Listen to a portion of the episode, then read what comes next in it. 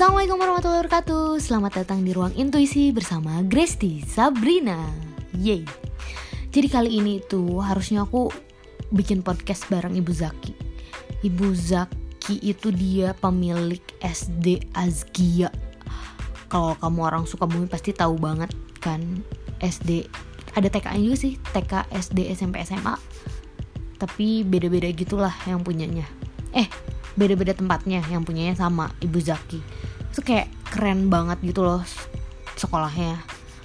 Bahkan si tagline-nya itu sekolah kehidupanku. Penasaran banget kan?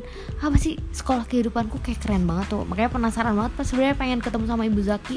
Cuman sayangnya hari ini beliau berhalangan hadir karena sibuk sih. Ya setahu aku beliau lagi sibuk uh, ngurusin politik-politik juga gitu lah. Jadi semoga di podcast selanjutnya bisa ketemu beliau ngobrolin tentang banyak hal. Jadi mau ngobrolin apa dong podcast kali ini? Jadi kayaknya aku mau cerita aja nih. Cerita tentang pengalaman menyedihkan. Jeng jeng. Backsoundnya boleh diganti jadi sedih? Gak bisa caranya masih gaptek. Ya jadi ini pengalaman sedih aku. Waktu kuliah. Gak bisa bayar kuliah. Ceng ceng kayaknya biasa aja ya sebenarnya ya nggak bisa bayar kuliah. Kayaknya banyak gitu orang yang nggak bisa bayar kuliah. Cuman masalahnya itu gitu aku itu orang yang hmm, kayak teka bengetan gitu loh buat bisa gak bayar gak bisa bayar kuliah teh gitu. Karena uh, aku tuh dikasih dikasih punya mobil kan di kosan. Jadi aku tuh bawa mobil. Terus kosan aku tuh lumayan rada nggak elit juga sih cuman kayak lumayan lah. Jadi dia kayak gede gitu lah. Kosannya tuh kosan gede kosan lumayan agak mahal juga si kosannya teh gitu. Orang yang tinggal di kosan yang agak mahal bawa mobil bawa motor juga ada motor juga terus gak bisa bayar kuliah yang nominalnya pada saat itu hanya 2 juta sih sebenarnya. Nggak hanya sih ya 2 juta tuh gede tapi kalau hitungannya bayar kuliah semesteran anak zaman sekarang kan itu udah 13 juta ya gak sih? Ada juga yang 8 juta 14 juta 20 juta per semester. Jadi alhamdulillah tuh masih murah banget waktu itu via senam PTN bayarannya jadi per semester uh, eh, 2 juta. Alhamdulillah herbil alamin. Nah jadi per semester itu aku biasanya dibayar sama bapak kan jadi pokoknya tiap semester itu aku tinggal bilang aja pak udah waktunya bayaran. Oke okay, transfer. Pak kayak gitu aja terus aja. Dan aku merasa itu tuh akan terjadi sepanjang hidup gitu aman gitu ya. Finansial aku tuh aman gitu. Aku tuh kan anak tunggal ya. Jadi dari kecil itu emang finansial tuh aman gitu. Kayak segala tuh dikasih ya gak sih? Kalau kamu anak tunggal kamu anak tunggal juga nggak? Atau pola pikir kamu tentang anak tunggal deh kayak gimana? Kan nggak ada anak yang lain ya. Jadi ya dikasih gitu kayak segala yang aku mau tuh rasanya tuh alhamdulillahnya tuh kayak selalu terkabul gitu. Tidak pada saat itu ternyata Ferguson. Jadi waktu itu ternyata ayah aku tuh kayak sakit gitu sakit tiba-tiba sakit dan gak kerja. Ya gak kerja walaupun PNS sih. Uh, ya tapi nggak dapet nggak dapet project-project gitu kali ya. Ah nggak ngerti. Pokoknya bapak itu waktu itu nggak bisa bayar kosan aku. Jeng jeng. Eh kosan. Nggak bisa bayar semesteran. Nggak bisa bayar semesteran. Terus aku pun dasar tidak berpikirnya aku tuh nggak punya uang juga di ATM waktu itu tuh aku inget sih uang di ATM aku tuh masih ada sekitar satu jutaan waktu itu. Tapi aku masih kayak belum kebakaran jenggot gitu. Jadi kayak ah nanti kalau misalnya deket-deket ke waktu bayaran habis kayaknya bapak juga bakal transfer gitu. Masih mikir kayak gitu. Dengan polosnya nggak mikir gitu kalau bapak lu tuh lagi sakit gitu kan. Tuh masih mikir ya bapak pasti inget lah buat bayar ini. Ih kosan terus? Sih dari tadi salah bayar semesteran kayak gitu kan bayar kuliah nah sampai akhirnya udah tiga hari lagi menuju bayaran itu habis dan si uang aku itu udah tinggal 200 ribu di ATM jadi kayak astagfirullahalazim ya udah sebenarnya bisa sih aku minta ke mama gitu kan. Cuman kayak nggak enak banget. Secara keluarga aku tuh pada saat itu lagi diuji kan. Lagi ada yang harus dipikirin mama gitu. Terus tiba-tiba aku ngeribetin dengan mau minta uang buat bayar kuliah. Terus kayak aduh nggak enak banget nggak mau nggak mau. Pada saat itu usia aku berapa coba tebak? 24 tahun. Coba kalau misalnya orang-orang yang di luar FKG 24 tahun dia tuh udah punya gaji udah punya dana darurat juga kayaknya. Kalau anak FKG kan 24 tahun tuh masih koas. Aku lulus 25 tahun guys. Astagfirullahaladzim. Ya nggak apa-apa sih. Dinikmati aja. Jadi dokter itu lama. Mungkin nanti bakal ada podcast yang ngebahas tentang per FKG tapi aku bersyukur juga sih sebenarnya nggak menyesal juga. Cuman kayak pengen ngeluh aja gitu. Nah terus udah kayak gitu gak punya uang kan kaget banget kan ya ampun tiba-tiba udah tinggal dua hari lagi nih bayar kuliah sedangkan uang tinggal 200 ribuan apa 300 ribu gitu. Ah ya Allah itu kayak aduh gimana? Gimana caranya ya? Aku tuh ah bingung banget deh nggak tau dia mentok mentok banget gitu gimana?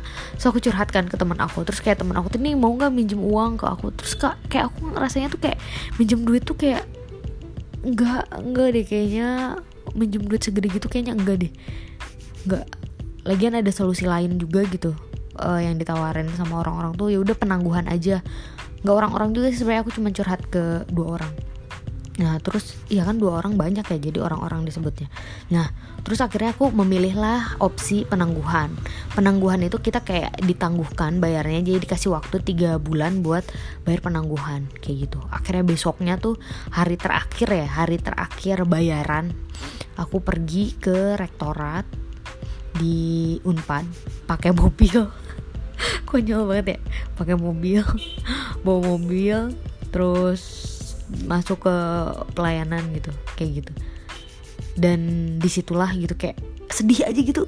Kau kayak ngelihat rektorat biasanya aku ke rektorat itu buat uh, ngurusin KTM atau misalnya apa gitu. Terus sekarang jadi ngurusin penangguhan gitu yang mana dulu tuh aku pernah jadi menteri KMKP kesejahteraan mahasiswa dan kajian publik.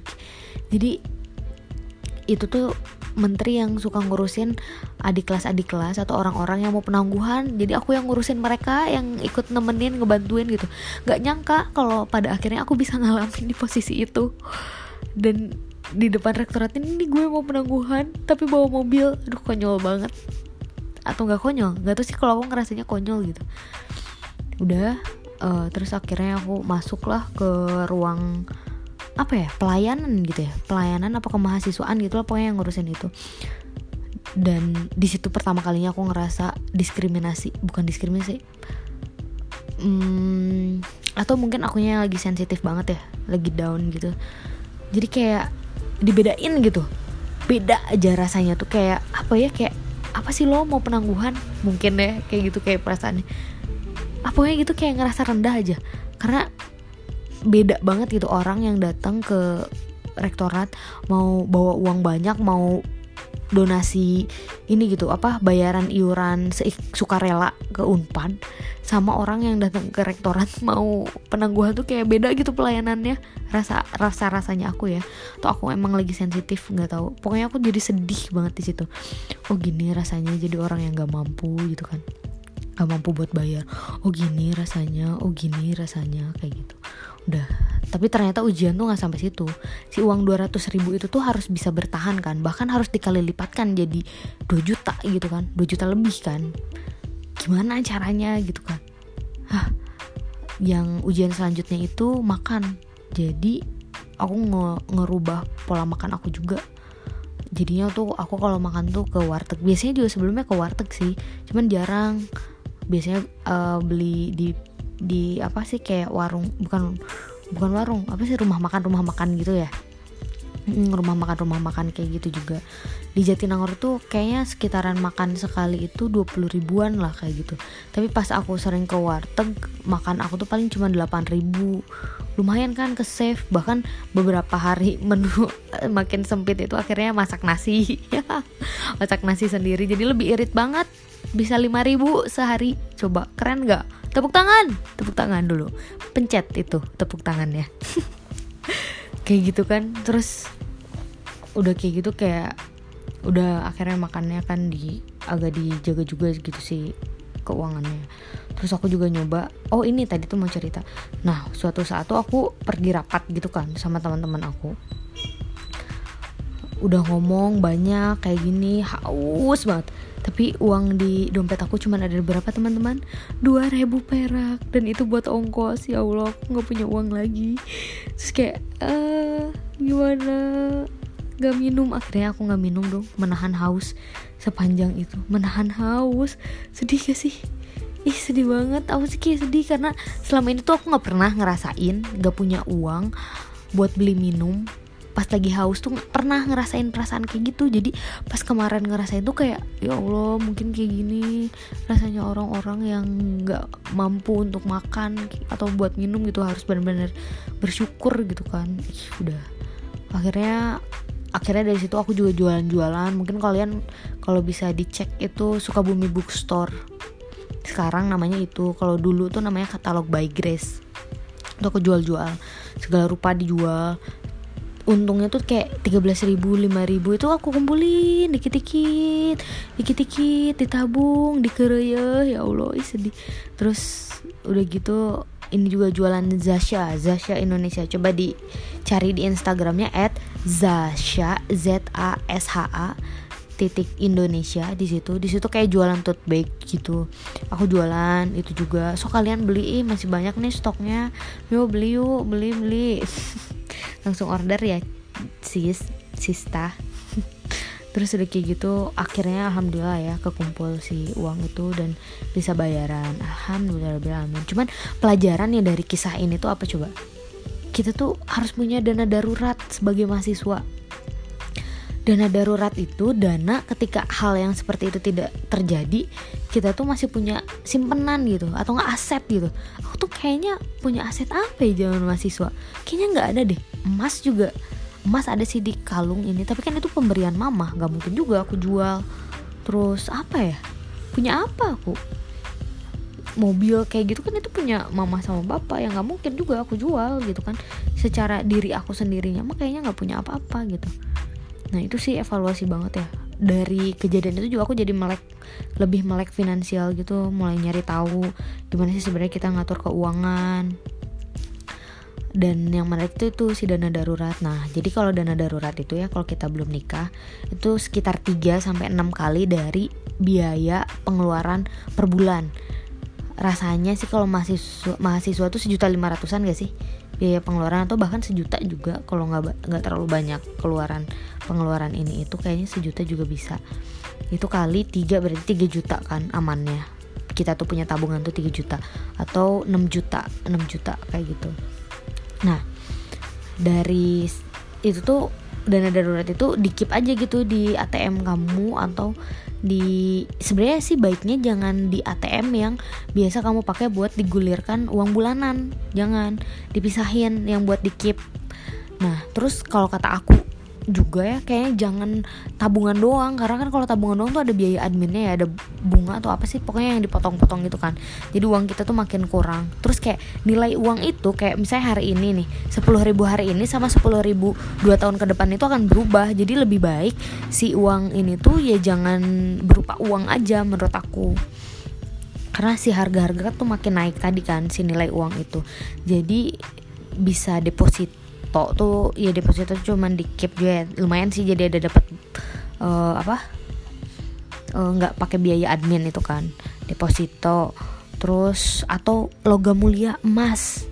Nah itu nabung-nabung aja emas kayak gitu kan. Jadi kalau ada suatu darurat kayak gitu ya tinggal gadein emas atau dijual emasnya terus bayaran deh kayak gitu. Lumayan kan alhamdulillah. Soalnya aku sering juga tahu ngelihat mahasiswa yang uh, banyak gak bisa bayaran kuliah. Ada di kitabisa.com gitu atau di jarkom jarkom atau ada juga yang nge PM kita. Aku ada beberapa ngelihat mahasiswa yang gak bisa bayar kuliah kayak gitu. Makanya kita tuh harus berdaya teman-teman. Aku baru sadar di akhir akhir akhir kuliah. Nah si uang itu tuh ya udah dikip aja gitu kalau kata Joska coba kalian follow ya at Joska. Itu tuh kayak financial advisor gitu yang suka bikin kita melek lah soal finansial. Lumayan lah itu bagus juga akunnya. Atau aku tuh suka googling googling juga sih ada Panji namanya. Dia tuh kayak financial advisor juga. Kalau kata Mas Panji itu kita tuh baru bisa mulai berinvestasi kalau si dana darurat itu 30% nya udah ke cover. Jadi kalau misalnya 3 juta 30% nya berapa sih segitulah ya. Nah kalau misalnya si uang kita udah ke cover si 30% nya dari segitu kita bisa investasi ke saham misalnya. Atau beli tanah atau reksadana dan lain sebagainya gitu. Ibaratnya kita punya mobil kalau nggak punya dana daruratnya kayak nggak punya bumper gitu. Kalau misalnya kita naik gunung kayak nggak punya bekal lebih gitu. Kalau misalnya mau nginep deh nginep. Kalian aja kalau nginep ke rumah orang atau keluar kota gitu kalian suka lebihin baju kan? Satu. Aku sih kayak gitu. Suka lebihin baju satu satu style gitu kan. Itu tuh baju darurat gitu. Masa kehidupan kita nggak kita pakai dana darurat? Jadinya nanti kayak aku. Dan aku berharapnya sih kalian nggak ngalamin kejadian mm, unmemorable kayak kemarin. Walaupun hikmahnya ya alhamdulillah akhirnya aku jadi bisa tersadarkan mengenai dana darurat walaupun sekarang juga belum terpenuhi banget si dana darurat itu. Sama-sama ya kita ya berjuang. Ya karena orang kaya itu bukan mereka yang punya banyak uang. Bukan tapi orang yang bisa mengelola keuangan yang bijak terhadap uangnya. Jadi uang yang bekerja buat dia, bukan dia yang bekerja untuk uang, gitulah kurang lebih. Kalau orang yang punya banyak uang tapi nggak bisa ngaturnya, nggak bisa mengelolanya, tunggu aja 5 tahun juga habis, 10 tahun juga habis, bakal habis lah intinya di ujungnya. Tapi kalau orang yang dia gajinya kecil misalnya atau pendapatannya kecil, ada motor, ya kecil gitu tapi dia bisa mengelola uang. Itu tuh bisa tunggu aja suatu saat juga dia bakal uh, apa bakal sukses gitu. Atau seenggaknya ya orang yang kayak bisa mengelola uang itu dia bisa ngapa-ngapain. Mau beli ini pas ada uangnya mau beli itu pas ada uangnya mau beli ini pas ada uangnya. Karena dia bisa mengelola alokasiin si keuangan keuangannya kayak gitu. Gitu sih. Semoga bisa merubah mindset teman-teman mengenai uang kita tuh harus punya mental mental kaya. Kalau aku lihat ibu Anita Hairul Tanjung tuh kan Pak Cete orang terkaya ketiga ya di Indonesia. Dulu sih ketiga sekarang nggak tahu ke berapa Bu Anita itu dia itu ya detail banget loh sama keuangan.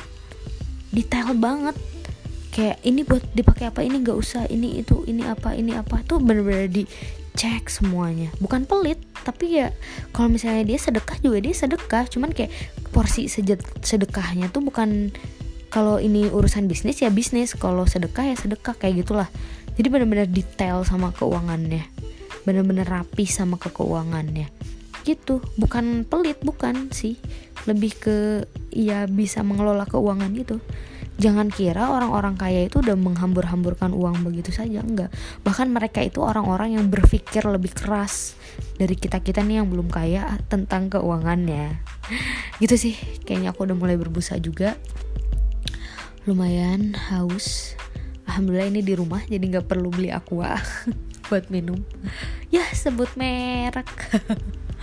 Oke okay, thank you for listening Semoga kalian suka podcast kali ini dan insya Allah aku bakal rutin bikin podcast podcast setiap hari karena lagi trial nih, lagi mencoba di dunia perpodcastan. Semoga bisa sukses di dunia perpodcastan. Oke, okay, wassalamualaikum warahmatullahi wabarakatuh. Grace saudaramu.